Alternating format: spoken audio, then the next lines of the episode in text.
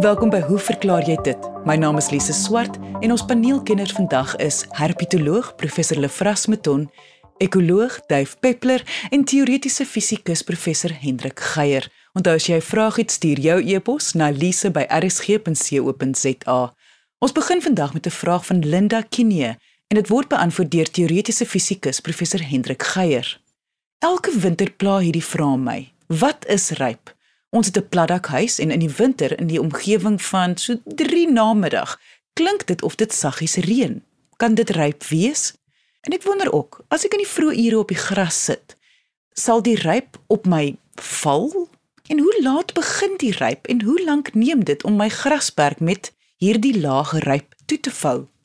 Kom ons begin uh, deur net eers te reageer op die vraag oor wat Linda het oor of dit wat sy op haar dak hoor uh, of dit nou ryp is wat val. Nou uh, die kort antwoord Linda is nee, dis nie ryp wat val nie want anders as reën en haal en sneeu wat nou onder verskillende weeromstandighede en atmosferiese omstandighede in wolke vorm en dan onder swaartekrag op die aardoppervlak val vorm ryp lokaal. Met ander woorde, dit is iets wat naby die oppervlak of op die oppervlak vorm wanneer die atmosferiese toestande daarvoor gunstig is. So dis let, dis dis beslis nie iets wat soos die ander verskynsels uh, uit wolke uit neerdaal of ergens uit die lug neerdaal nie. Dit vorm lokaal naby die oppervlak van die aarde. As dit dan nou nie ryp is wat val op die dak nie, wat is dit wat Linda op haar dak hoor? Ek kom 'n bietjie later weer terug na die vraag toe. Maar kom ons begin miskien net deur 'n paar spesifieke goed oor oor ryp en hoe dit vorm aan die orde te stel. So om die om die gesprek te begin is dit nuttig om te verwys na iets wat bekend staan as die sogenaamde doupunt. Mense sou ook kon praat van die versadigingspunt. En dit is 'n temperatuur wat vir 'n mens sê tot waar jy 'n spesifieke lugmassa moet afkoel. Gewoonlik sê mense daarby uh onder konstante lugdruk sodat waterdamp uiteindelik kondenseer. So die agtergrond is natuurlik dat daar tipies uh waterdamp in die lug is afhangende van hoe droog of klam die atmosferiese kondisies is, is daar natuurlik meer of minder waterdamp in die lug. En as jy jou voorstel nou dat soos wat die nag ontwikkel of die nagtyd aanstap, dit al hoe kouer en kouer word, dan kom kan 'n mens praat van daardie temperatuur waar die lug so koud geword het dat daar uiteindelik waterdamp kondenseer uit die uit die lug uit.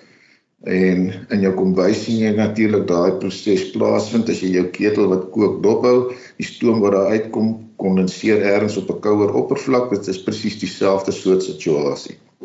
Nou kan daar 'n paar goed gebeur.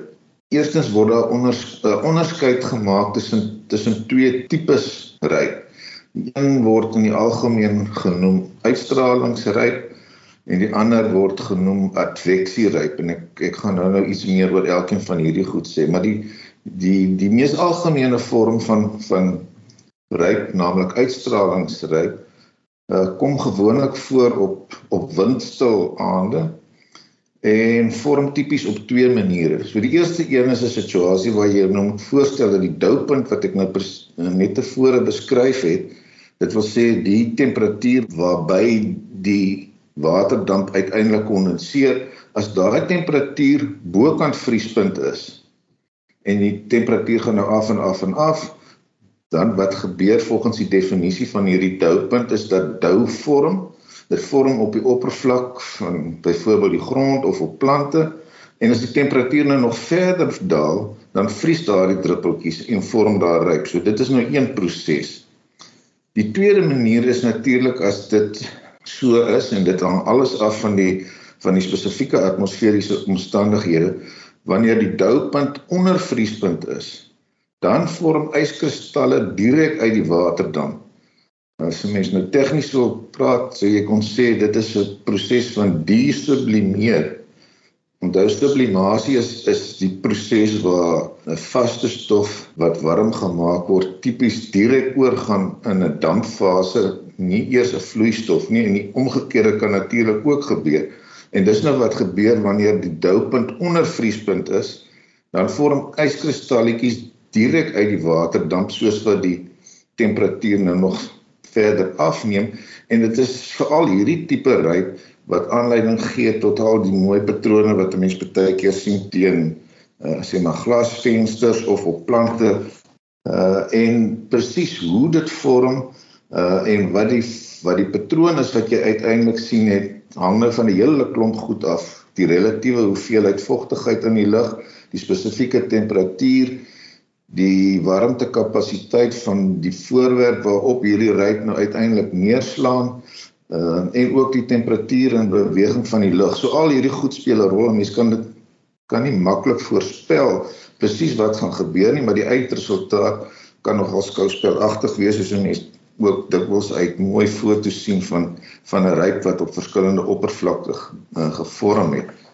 Nou wanneer mense hieroor praat, is daar nou nog maak weerkundiges nog 'n verdere onderskeid deur te verwys na iets wat genoem word ruigryp. Ek het lanklaas hierdie woord gehoor, maar dit is wanneer daar heelwat mistigheid in die lug is wanneer die temperatuur besig is om te daal en daardie mistigheid gee dan onmiddellik aan of kan dan begin vries en hierdie gefriesde druppeltjies klou dan aan tipies aan plante vas byvoorbeeld en dit is iets wat genoem word ruigryp.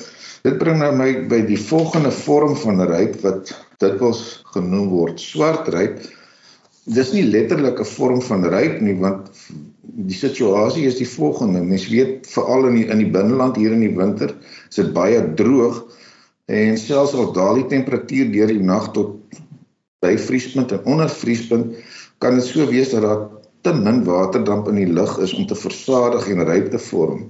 So daar vorm nie ryp kristalle nie, maar natuurlik het plante self vog in hulle of in hulle selle en daardie vog kan uiteindelik vries en soos ons weet, water wat vries kort onder die vriespunt sit dit uit. Dit het uh, allerlei interessante gevolge waaroor ons ook al op hierdie program gepraat het, maar die feit dat daardie ysvorming met uitsetting gepaard gaan bring dikwels mee dat plantselle op hierdie manier beskadig word en uiteindelik ehm um, lei dit tot die plant se ondergang in die in die en wat 'n mens nou waarneem is daai tipiese verleptheid wat met 'n swart word van die blare geassosieer is. So dis nie letterlik ryp wat vorm nie, maar eintlik eerder die binnekant van 'n plant wat grootliks self begin vries en as daar genoegsame skade is, is swart ryp die beskrywing wat wat gebruik word uh, om hierdie proses te beskryf.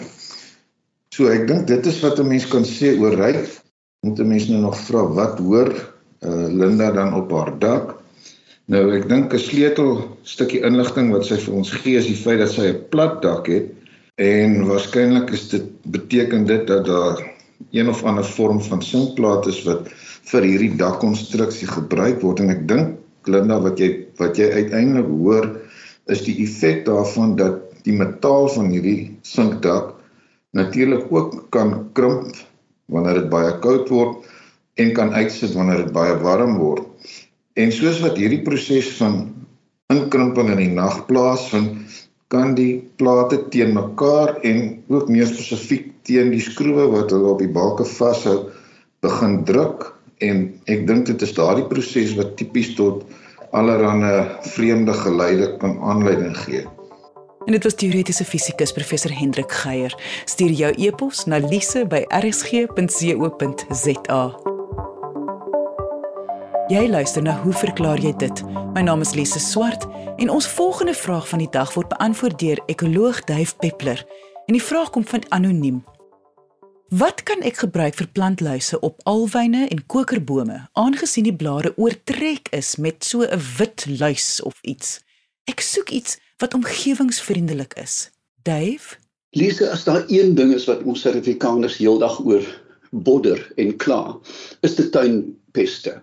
Wat kan ek doen om dit te verhoed? Wat kan ek doen? Wat moet ek met die mole maak? Die honde se bure, ag eh, die bure se honde altans. Um, met ander woorde, daar is 'n ewige gesukkel met peste in tuine. Nou, kom ons stap gou net terug en ek sê vir jou waar ek vandaan kom. Ek kom uit 'n familie van tuinmakers. My ouma Lily het 'n fyn tuin gemaak. Oupa Boy het 'n groentetuin gemaak. Tant Ella het nie geweet wat sy maak nie, maar dit was baie mooi. Um tuine tradisioneel van die Afrikaner, kom ons noem dit nou maar die Afrikaner, was groot. Ons het in klein dorpies gebly. Die huis was teen die pad, daar was tuintuin voor en agter was daar wel mens kan byna sê landerye. Jy weet daar was lappe lucerne want iemand het 'n koei gehad. Daar was groot hoenderhokke. Die hoenders is nou en dan uitgelaat en hulle het soos mal goed deur die tuin gehardloop en en alles wat pootjies het het hulle opgevreet. Ons het komposhope gehad. Ons het nie kunsmis gehad nie. Beide vir bemesting en ook vir molm. Ons het 'n laag kompos om die om die plante gepak en dit so gebuffer teen uitdroging en voeding het dan dieselfde tyd gekom. Maar toe hier in die 1950s kom DDT.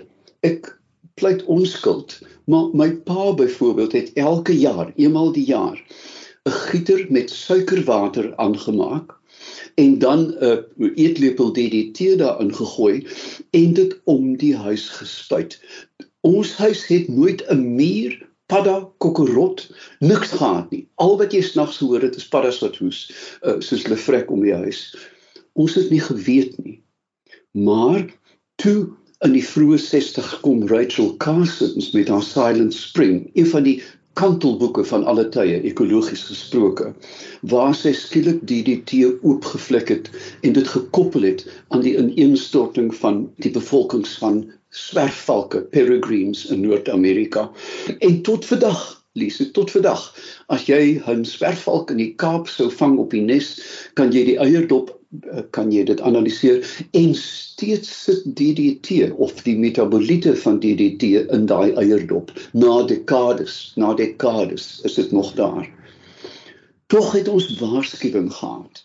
Wie het gewaarsku? Bob Dylan. In 1962 reeds het hy hard rain um a hard rain's to fall. You weet i've been out front of a dozen dead oceans Um I've I've stepped in the middle of seven dead forests. Hy het toe al geweet en daar was 'n byna Jungiaanse bewustheid dat die natuur gekwets is en dat ons iets daaraan moet doen. Net daarna kom Joni Mitchell by Woodstock en sy sing Big Yellow Taxi, give me spots on the apples but leave me the birds and the bees.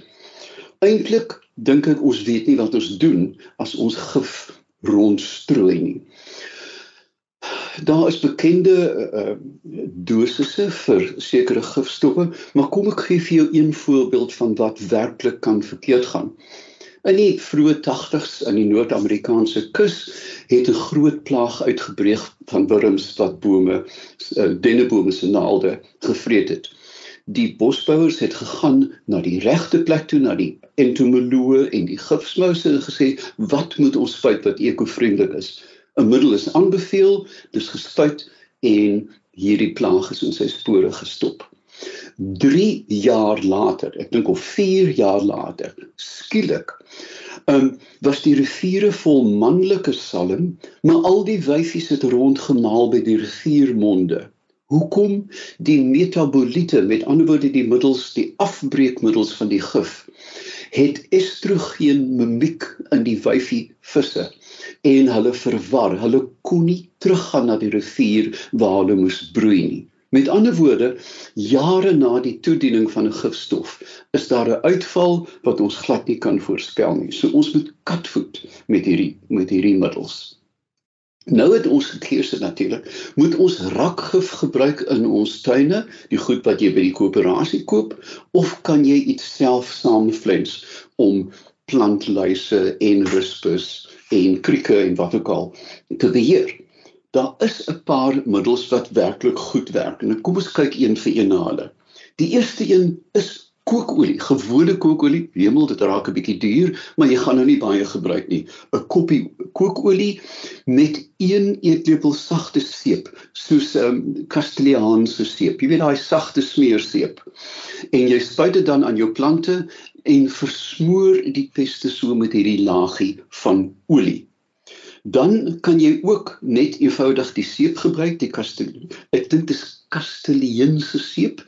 Ehm um, dis 'n sagte seep wat jy in 'n in 'n potjie koop enige plek by 'n ehm um, by 'n koöperasie. Ehm um, en dan op ehm um, 1 liter water sit jy so 'n half koppie van die seep en spuit dit ook aan. Dan natuurlik die fabelagtige neem N E E M. Neem is 'n boom as 'n darag wat van Indië kom en dit word vir byna alles van ingegroeide tonaals tot karkaatjies gebruik. Dit is 'n fabelagtige boom. Dis maak 'n baie sterk olie en jy kan ook dan neemolie baie maklik bekom en twee eetlepels of twee teelepels althans neemolie 1 teelepel seep op 'n liter water en dit maak voor die voet uh tuinpeste dood. Dan kan 'n mens kieselgoer gebruik. Um diatomaarde. Met ander woorde, dit is 'n wit kalkagtige uh, neersettingsgesteente wat baie bros is en dit bestaan uit die klein fossiele van diatome, klein uh organismes wat in die water voorgekom het. En dit desikeer dit droog insekte uit. Met ander woorde as jy tisselaarde wat heeltemal neutraal is dit het geen voedingswaarde of gif nie strooi op hierdie insekte dan maak dit hulle redelik maklik dood. Want dit beteken dat jy moet die tuin betree jy moet gaan gooi waar die skade is. Dan kan 'n mens knoffel gebruik. Jy gebruik twee groot nie 'n huis en nie twee knolle um en 'n half koppie water versap dit um gooi nog 'n koppie water by laat dit oornag staan en dan kan jy hierdie knoffeloplossing op jou tuinpeste gooi Dieselfde geld vir russies. As jy 'n paar russiebome het, kan jy uh, byvoorbeeld 'n um, half koppie sterk russies uh, met een koppie water kook Na dit gekook is, gooi jy nog 2 koppies water by, laat dit oornag staan en dan kan jy dit ook baie effektief op plantluise gebruik. Waarskuwing egter, die goed is sterk, jy weet, moenie aan jou oë vat of aan jou mond vat terwyl jy dit toedien nie. Ek ek vra ook natuurlik is ouer gewoonte dat luisteraars ons moet dat weet wat hulle gebruik wat effektief is. Nou, wat is die oplossings vir hierdie pla in ons tuine? Die eerste oplossing wat vir my na 'n pragtige idee klink is die Engelse term rewilding. Ek is nie seker of daar al 'n Afrikaanse woord bestaan om gebiede te laat terugkeer na hulle wilde oorspronklike toestand. Hoe werk dit? Ek was onlangs in Londen um, in die hoogtye van lente en in die groot parke van Londen is die helfte van alle oop gebiede nou eenvoudig gelos dat dit weer kan wild word. Lise, die insekte, die voëls, die kraaie wat skoenappers vang, die skoenappers wat op blomme sit. Dit is iets om te aanskou. Met ander woorde, ons kan sê ons gaan 'n totale wilde tuin ontwikkel. Nou ja, dis dalk 'n brandgevaar in die somer, maar jy gaan biodiversiteit hê. En dan die ou antwoord, plant inheems want die plante is reeds gebuffer teen insekte. Met ander woorde, ons het drie oplossings. Ons kan organies omgaan met die insekte. Ons het vier. Ons kan alles net eenvoudig los dat God se water oor God se akker loop en in 'n stadium gaan die dinamika van die insekte stabiliseer.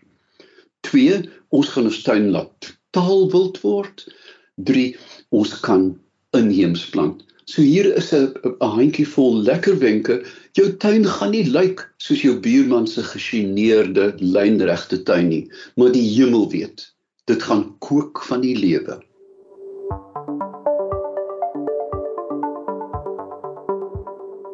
Dit was ekoloog Dave Peppler. Ons kitsvraag word deur herpetoloog professor Lefras Meton beantwoord.